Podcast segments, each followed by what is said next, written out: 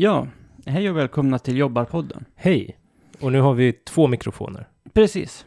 Fantastiskt. Eh, Tack så jättemycket allihopa. Ja, jätte, jätteschysst av våra eh, superbra fans att sponsra så att vi fick ihop det här på ganska kort tid. Jag trodde det skulle ta sjukt lång tid. Mm. Och tack också till alla som tänkte att de ville ge, men inte hade råd. Precis.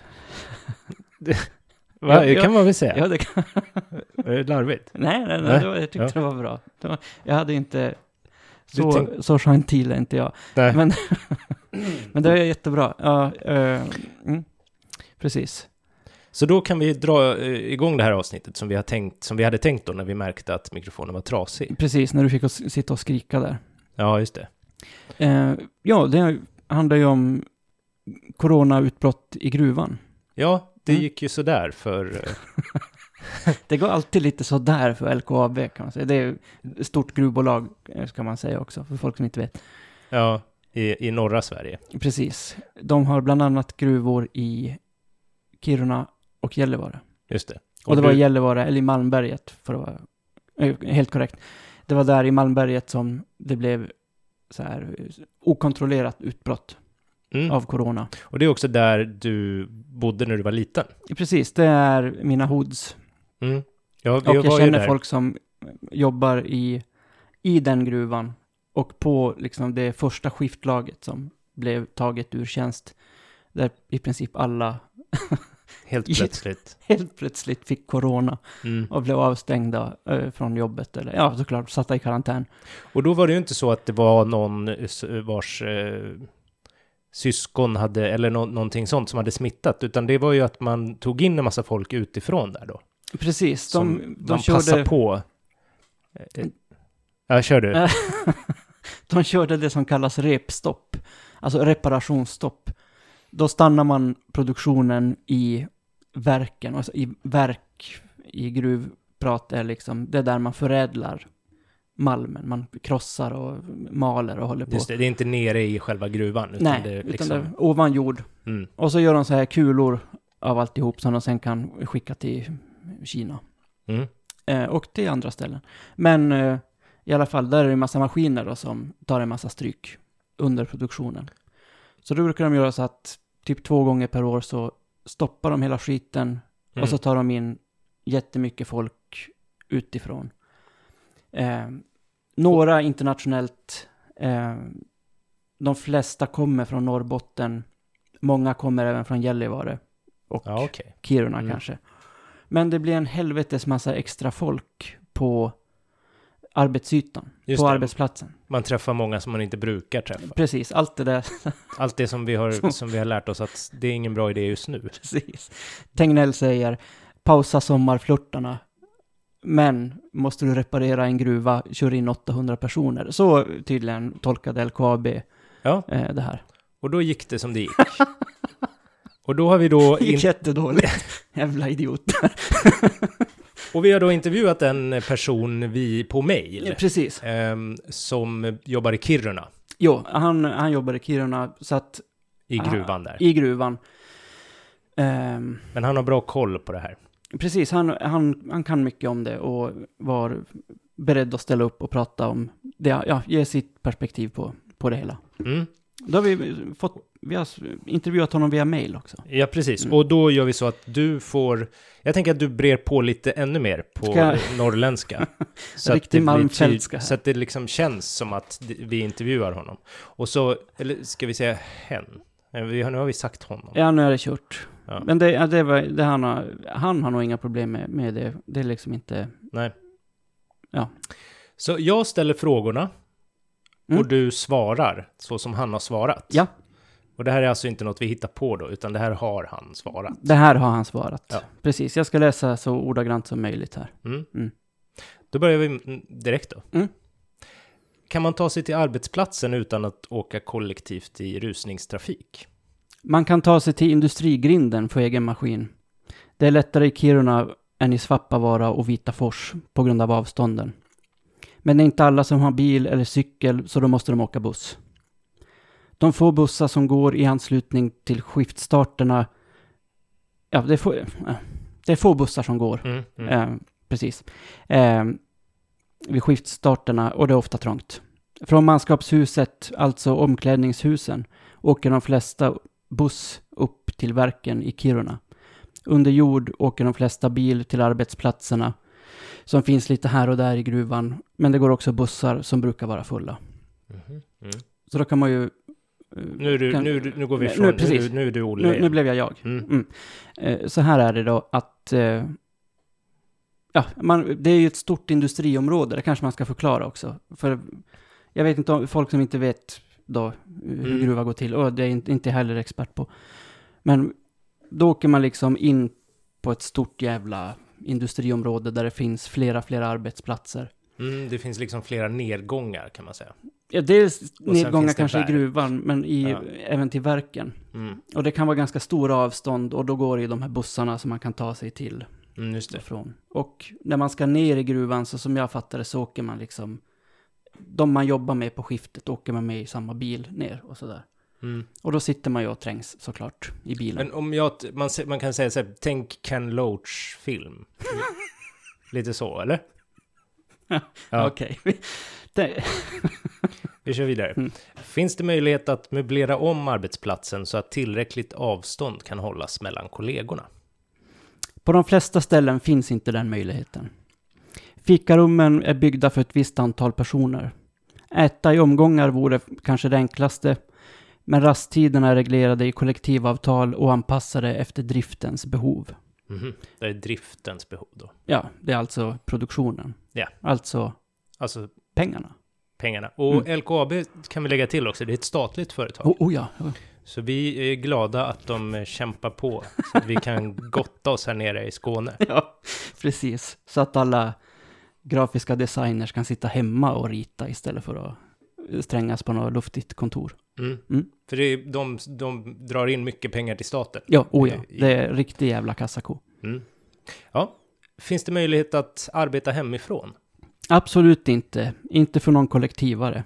Många chefer, ingenjörer, tekniker och kontorspersonal på förvaltningskontoren kan ju däremot göra det. Och det är ju bra om de gör det. Mm. Så Och där är det ju då att det är ju bra om de gör det och plus att man kanske inte ska ta in 800 extra personer då. precis. ja, Mm. nej, nej men... eh, Ja men precis, det, det där det är ju lite samma sak tänker jag som... Eh, ja men som i vården, alltså det är så oerhört... Jobbar man i produktionen i gruvan Mm. så måste man fysiskt vara där. Man kan inte göra ett jävla dugg hemifrån. Nej. Um, och jag tänker att det är... Ja, jag tänkte gorma om det senare. Vi, vi tar nästa fråga. Ja, okej. Mm. Mm. Vid längre... Nej, vänta. Jo. Mm. Vid längre perioder av arbete hemifrån ansvarar arbetsgivaren för, att, för arbetsmiljön i hemmet. Finns möjligheten att anpassa bostaden så att arbetet kan utföras säkert hemifrån? Nu tänkte jag bre på lite grann här. Ja, Den frågan är inte alls relevant för oss gruvarbetare. Just det. Det var så han svarade. Mm. Ja. Och det, ja, det var ju det jag sa, att det, det går bara inte. Nej, man kan inte liksom gräva där man står. Nej, det görs tillräckligt. ja, det grävs under husen och alla kan fara åt helvete. Men, Ja, men det ska man inte göra på eget bevåg. Viktigt. att jag måste bara fixa. Så, färdigfixat. Mm. Mm. Eh, vad, hur är det nu då? Eh, Ja, vi hade ju två, det här var ju de specifika, eller Just de inte specifika utan allmänna sådana, de här coronafrågorna som Mm, vi mm. hade. Mm. Sen s- kommer det två som vi har tänkt ihop lite senare sådär. Just det, och var är de? För de har inte jag här nu. Jaha, ja men då kan du ta och läsa här då. Hur kan du ta, ja, ja. Du får hålla på skärmen annars. Hur tänkte det statliga företaget LKAB när de valde att samla 800 externa arbetare och genomföra repstoppet mot rådande riktlinjer från Folkhälsomyndigheten? Mm.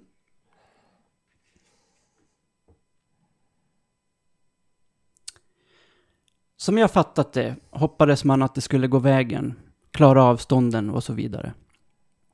Man kanske trodde att vi här uppe skulle slippa smittspridning i större omfattning. Ni måste nog fråga någon som varit med och fattat besluten. Just det.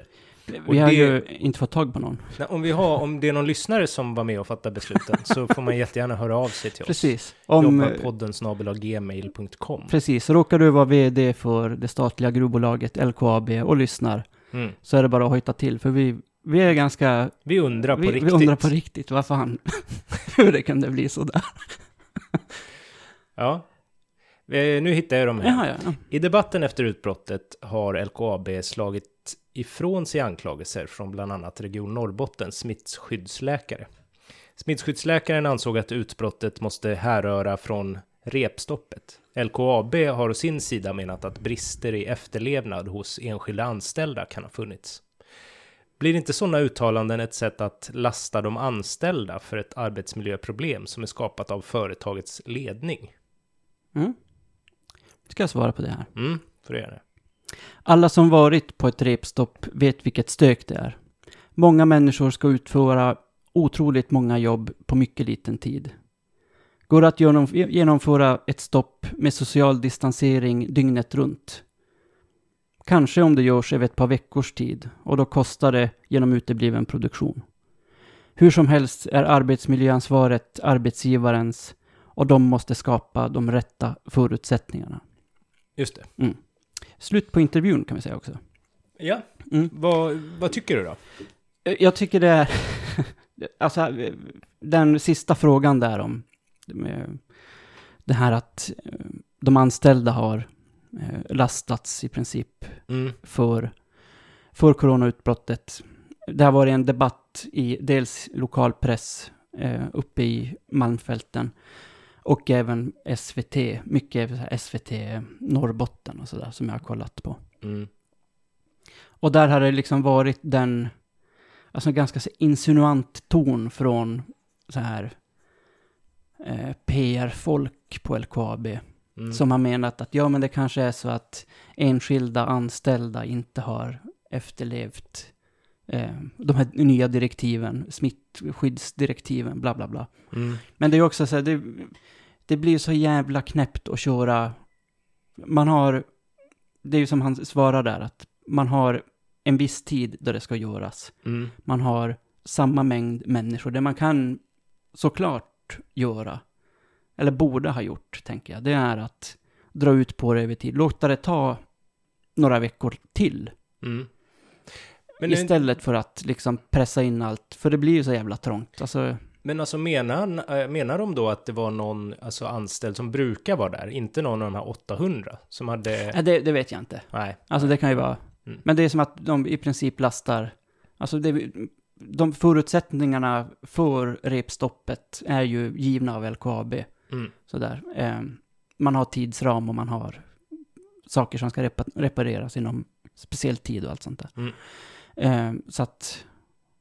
Ja, nej, jag, jag tycker det är... Det blir jävligt märkligt när det är så här så många andra saker som är inställda hela tiden. Mm. Till exempel på mitt jobb, det är ganska få personer där, få i personalen. Men man har ställt in ganska många alltså möten som man anser sig att ja, men det här borde vi kanske inte ha nu i coronatider. Mm. Då handlar det om att sitta typ fyra personer och dricka Ramlösa i något rum. Just det. Så Men det det ska man inte ha. Ja, precis. jättenoga med sånt. Mm. Men 800 pers som ska repa gruva, det går bra. Det går bra. för att annars så blir det för långt stopp i Precis. produktionen. Ja. Mm. Det, man kan säga också att det är ju lite som de här, det finns ju sådana städer i Kina som är så här, det företaget. Mm. Det finns väl så här Huawei-staden Okej, ja. eh, till exempel. Och i Korea finns det väl så här Hyundai-staden. ja. Och att, att det är lite så det är eh, i Gällivare och, och Kiruna. Att Jag, ska- jag ska liksom- bara höja din mick här. Förresten. Jaha. Eh, Och du får, ska jag bara Ja, nej, vi- prata närmare? ja, precis, lite ordentligare. Att det liksom är LKAB City egentligen. Ja, ja, För jo, de men- bestämmer liksom allting. Mm. Och de håller på att flytta hela samhället där för att de ska kunna gräva mer. Alltså LKAB har otrolig makt över människorna där. Ja, oh ja. Eh, Mm. Så det är ju lite magstarkt Jo, att jo, precis. eh, skylla ifrån sig på, på de anställda. Men Ja, jag tycker det är liksom... eh, Att det ligger liksom helt i linje med, med hur LKAB har betett sig de senaste tio åren, minst. mm, Eh, för både i Kiruna och Gällivare så pågår det det man kallar en samhällsomvandling. Mm. Och Kiruna är ju det här kända exemplet där de flyttar stora delar av stan. Mm. Eh, vissa delar av stan i Malmberget flyttas, men det mesta rivs ju liksom. Ja. Och det är massa konflikter med invånarna om tidsplanen, om ersättningar, om ja, väldigt mycket. Och väldigt mycket är ganska osäkert sådär. Och LKAB bestämmer i princip i vilken takt allt ska ske Mm. och vars saker ska ske. Och hur mycket pengar folk ska få för sina hus. Precis. Så att det är liksom att de gör en sån här grej och liksom bara pushar över det till, alltså inte liksom tar ansvar för, Mm. och, ja men så här äger det och försöker säga att ja men det, det måste bli bättre till nästa gång, eller någonting. Så Mm. Mm. det, Det, det är intressant och spännande och roligt. Mm. Inte så roligt kanske. Det, för man tänker ju så här, det hade kanske varit lättare också om det fanns någon så här eh, Krösus, Krösus Sork eller Joakim von Anka som ägde hela skiten liksom. Men eh, nu är det ju vi, alltså staten, som äger jo, jo. eh, precis. det här. Så Mm. det, det är liksom, man borde vara lite hygglig mot sina medborgare. Mm. Jo, jo. Det, det, men det tänker jag också det, i liksom samtalet eller diskussionen där uppe i Malmberget och Kiruna så pratar man om liksom LKAB som företaget. Mm. Och många är ju också såklart lojala mot företaget. De- Det är, när man inte får corona och när man inte trillar ner och dör för det har varit massa sådana arbetsplatsolyckor. Mm. Men när sånt inte händer så är det en bra arbetsgivare, Mm. ganska ofta. Ja. Eh, och det är bra löner och allt sånt där. Eh, alltså för de bra och bra arbetsgivare. Men alltså, liksom, ja, det är Mm. någorlunda liksom. Och så stor arbetsgivare också. Men att man pratar om det som företaget, man pratar inte om det som att det här är staten Nej. Nej. som faktiskt står bakom det. Då tror jag att både den här grejen och framförallt de här kaosartade samhällsomvandlingarna som de kallar det. sk- Mm. Att det skulle vara helt annat ljud i skällan från liksom stor del av lokalbefolkningen. Ja. För att man hade kunnat liksom trumma upp ett, alltså en s- större aggression. Liksom. Mm. Mm. Eh, men nu pratar man liksom om LK eller LKAB. Så. Mm. Eh, Ja. Ja, okej, men då ska vi släppa LKAB nu då? ja, jag kan men- säga en grej, det fick Ja. faktiskt en, eh, eller ja, positiv effekt vet man. Men alltså de har gjort några så här, det ska vara ett repstopp i Svappavaara. Mhm. Svappavaara ligger mellan Malmberget och Kiruna. Mm. Inte lika stort som de två. Nej, det är ganska litet. Mm. Eh, och där ska de ha repstopp, men den ska de tydligen dra ut på rent tidsmässigt. Okej, Eh, så så de har lärt sig något? de har lärt sig. Vad bra. Då så. Ja, men då, då litar vi på staten då. Så, så säger vi heja oss, heja Sverige. Fortsätt bryta malm. Exceptionalism här. Volvo och stål. Ja, perfekt. Vad bra. Då kan de fortsätta bryta malm där. Precis. Jättebra. Det gör ni bra. Sen har vi ju lyssnat på den här uh, Klarna-snubben. Ja, fy fan, jag hade förträngt det. Du kommer ihåg eh, att du har lyssnat på honom? Jag kommer ihåg, nu när du säger det så Ja. bubblar det upp igen. Jag kommer inte, han hette Niklas i förnamn, Adelberg. Adelberg. Mm. Det låter adligt, det är inte adligt. Nej. Jag ska också se vad jag har skrivit om den. Ja, man kan väl säga, alltså om man måste om man tycker om att lyssna på Sommar i P1 Mm. så finns det flera andra sommarprogram så, som jag kan rekommendera innan man eh, slå, slår igång Niklas Ja, Adelbergs. Ja, precis. Karin Smirnoff pratade du om. det var jättefint. Ja. Ja, Nina Björks också från way back. okej. Ja, det finns bra. ju från, ja, om vi får go way back. Så, ja. Ja, ja, ja, men det tycker jag man kan göra. Hur som helst, den här snubben var inte min cup of tea. Nej, det var inte min heller. Kan vi väl avslöja redan nu. Och det känns som att de flesta redan förs- förstår det om, om man vet lite. Om man vet vad Klarna håller på med. Om man vet vad Klarna håller på med och lyssnat tre minuter på en av våra, ett av våra poddavsnitt så eh, kan man lista ut att det inte, vi är inte liksom själsfränder. Nej. Eh, men det som är intressant, det är ju att han liksom, han vill liksom, eh, han söker någon slags, eh, han, han- vill vara god liksom. Ja, han, han har ändrat sig. Ja, Han har ju blivit ekonomiskt oberoende såklart. Det blir man ju om man grundar en sån grej som Klarna. mm, Och så har han startat någon så här filantropverksamhet. just det. Men om vi börjar då med Klarna. Mm. 751, 753 miljoner dollar 2019 hade de i intäkter. Okej. 39 miljarder svenska kronor har de i tillgångar. Mm. Det är jättemånga pengar. Det är många pengar. Det är, Jättemånga mikrofoner. Och de skulle också kunna köpa Kurt Cobains gitarr från Unplugged-konserten. precis, som den här, våran mikrofontillverkare gjorde, eller chefen för, ägaren. Precis. Mm. Men det gör inte de. Nej. Han, eh, vad heter det, det är jätte... Och, och så är det ju då jättemånga som fastnar i, i så här kronofogdfällan tack, Mm. tack vare, eller på grund av eh, Klarna då. Ja, precis. För att man köper något på nätet kanske, och så köper man lite för många grejer, så kan man inte betala. Mm. Så är de supersnabba med att det blir så här massa förseningsavgifter, Precis. och sen så är det kört. Mm. Och det är ju deras affärsidé, Det, det, att precis. sätta dit folk som har det svårt ställt. Jag, jag, jag tror inte att det bara att...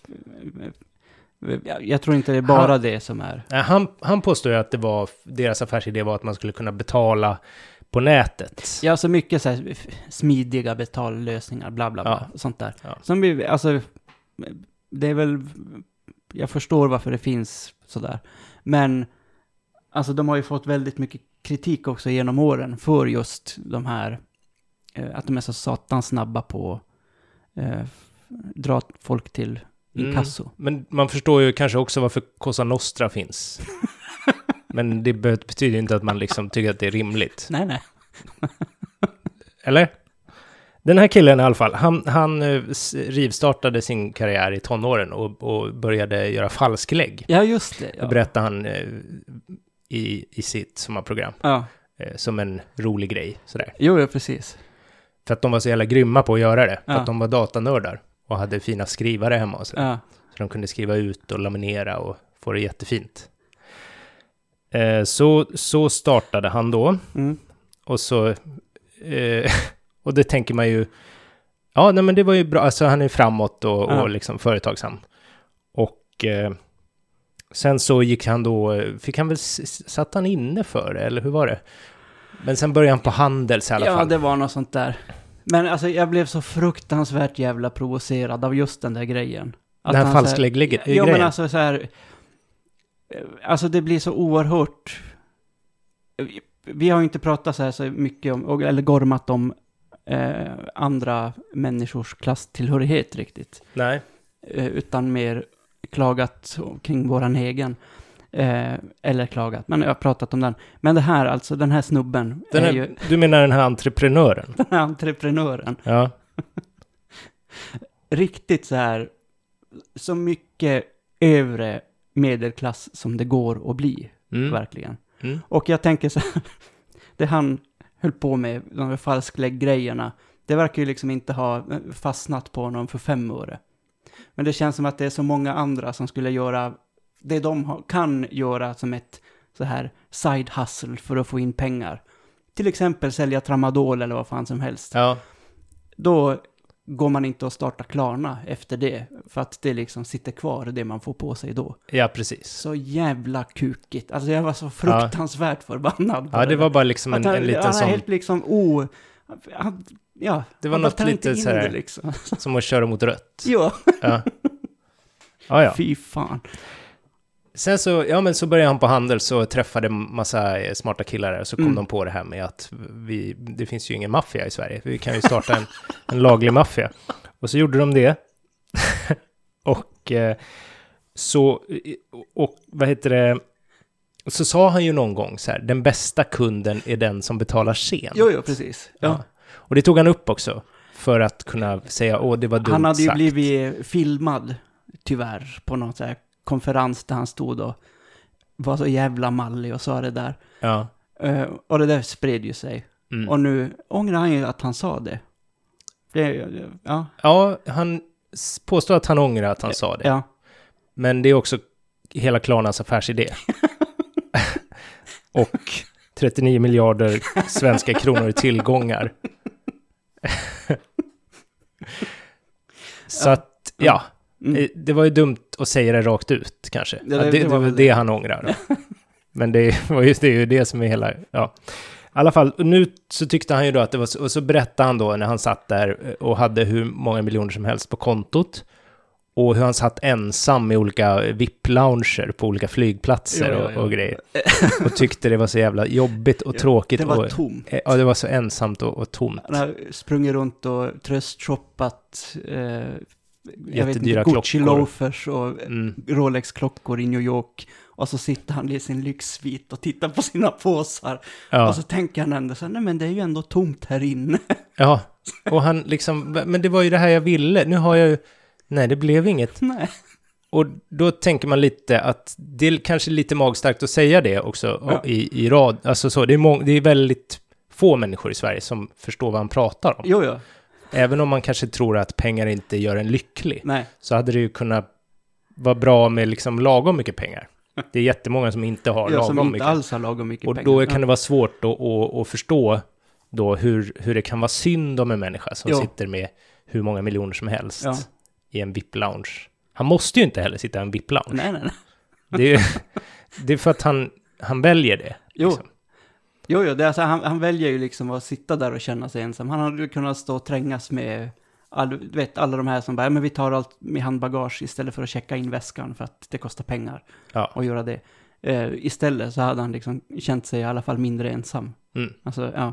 Men nu har han då kommit på att det, det var inget för honom Nej. att vara superrik, Nej. för han var bara ensam. Och så har han också kommit på, eftersom han har, han har åkt 17-18 varv runt jorden, och så tänker han, fan, det är ju dåligt för miljön. Jaha. Ja. Så han börjar ju också snacka lite om att så här kan vi inte hålla på. Nej. Nej, just det, det tyckte jag var kul när han babblade om så Ja, liksom, det var lite så här tillväxtkritiskt, alltså oerhört lite. Ja, Sådär. Ja, men just det. Mitt företag, vad var det? 39 miljarder i tillgångar. i tillgångar, ja. I Ja. kronor. Ja. Ehm, gör ju det möjligt för folk att konsumera mer för pengar de egentligen inte har. Mm. Det här är ju inte bra för, Det är inte inte... bra för miljön. Nej. Så då... Han har fått så många hårda insikter, den där Ja. saken. Och så får han äntligen sommarprata om alltihop. Och berätta hur jobbigt det är. ja, för fan. Ja. Eh, och då så är det ju liksom lite så här, ja men nu är jag superrik. Mm. Så nu kan jag säga att det, det är dåligt Mm, att vara superrik. Mm, mm. ja, det är inte helt hållbart sådär, känns det. Nej. Nej, alltså, Hur många jobbarpodden-loggor får han av fem möjliga, det här sommarpratet? jag tror han får noll. Han får noll, en Ja. sån överstruken. Precis. Ja. Ja, jo, det får han av mig också. Ja, nej men alltså, Mm. fy fan, jag- det ska jag ju säga att jag hatar sommar i P1. Mm, det är jag tycker konstigt det liksom att du gör det. Ja. förstör hela sommaren. Jag brukar lyssna på så här, den här kulturtimmen annars som är. Mm, Men sen, nej just det, då är det någon jävla entreprenör som ska prata om sin barndom. mm, Eller någon så här, som, ja, det det är alltid samma jävla skit. Så här. någon ja, som har dött eller någon som... eh, Ja, eller det var så här, ja men ehm, som barn kände jag mig lite annorlunda, bla bla bla. Mm, Alltså det, det är sånt stereotypt alltihopa. Han hade ju ungefär samma, men det var ju inte, han hade ju inte kommit från någon, nu var ju inte hans föräldrar liksom eh, Bill Gates eller sådär. nej, eh, nej, nej. Men ändå, han, han har liksom inte slagit från något väldigt underläge, men det är många som pratar också om det. Jag tycker bara det är så trist alltihop med det. Det, det är samma skit år efter år, Ja, tycker jag. mm. Alltså, Jag förstår vad du menar, men jag tycker ändå det är lite härligt. Ja, ja. Ja, det är jättemånga som tycker det. Och det, jag, ibland så kommer det någon som man vill lyssna på. Men jag är liksom betingad så att jag blir arg direkt. Jag hör bara den där uh, jingeln. Ja, men Ah, det är spännande jävlar. med dig, för man vet aldrig. Du hade lika gärna kunnat älska det, Ja, ja, känns ja. som. Nej, det är, jag, jag är ju lite spännande då. Ja, det är du verkligen. Mm. Nej, men vi, en överstruken får han och eh, ett tips då att om man har hur många miljarder som helst Ja. eller hur många miljoner som helst eller vad det nu är. Så, eh, ja men ge bort pengarna då. Ja. För det finns en jävla massa människor som hade tyckt det var jävligt gött med lite mer än minus Jo. på kontot den 19. Och sitt inte och klaga om den där tomheten du kände på lyxsuiten liksom, i New York när du hade varit och tröstshoppat. Nej, Alltså, för det blir det någon var dålig Hollywoodfilm liksom. Ja.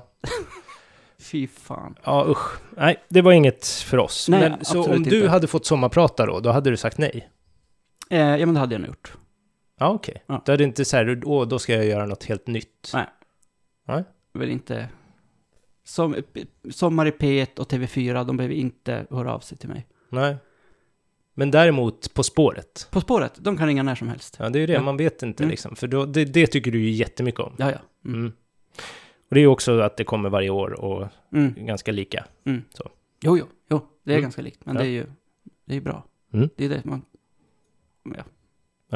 Jag hade inte så mycket mer om den här Klarna-snubben. Jag har nog fått säga det jag Mm. ville där. Nej, jag har nog också gormat om det jag... Jo, just det. Jag tänkte på den här... Eh, eh, vad heter han? Bertolt Brecht. Mhm. Den här gamla östtyska dramatikern. Mm. Han sa ju att det är ett mindre, rott, det är ett mindre brott att råna en bank än att äga en. Det tänker jag lite grann med så här Klarna-snubben överlag. Ja. Eh, att det är bara så här fruktansvärt töntigt alltihop när han... För nu känns det som att han på något sätt försöker eh, jag så släta över och ställa till rätta för att han kommer på att oj, oj, oj, oj, oj, oj. Det här Jag, jag har ju ändå gjort jättemånga dåliga saker för Ja. miljön och för människor och oj, oj, oj, oj. Vad kommer det stå på min gravsten? nu måste jag bli filantrop. Just det, det var det vi skulle spela upp. Ska vi göra det nu? Nej, men eh, jag tror vi ska, eh, vi får försöka klippa in den här eh, på något sätt. Ja, Eh, för det är svårt att spela in den via eh, Ja, men vi- så här live. precis. Men vi Mm. trycker in den här nu. Nu. Misantrop, det betyder människohatare. Filantrop betyder människoälskare. Jo då, jag vaknade i morse och kände mig oerhört filantropisk. Bra. Mm. Nej, men det var det då. Det var det, ja. Och ska vi säga något om den också? Den lilla biten ni fick höra. Ja, just det. Det Det- är ju Det är ju våran, våran hushjälte. vårt spirit animal. Tjuren från Sollentuna. Ja, precis. Christer Pettersson. Ja, Som eh, berättar, eller förklarar, precis. vad ordet filantrop betyder. Mm på ett väldigt bra sätt. Mm. Och ja, han var ju, han var ju bra skådis. Alltså, han, tänk honom läsa Ring klockan ring. det hade ju varit fantastiskt. Men vi får väl köra varje vecka nu då? Ja, men nu, nu har vi mickar och alltihop. Så mm. nu, ja. Då hörs vi snart. Vi hörs.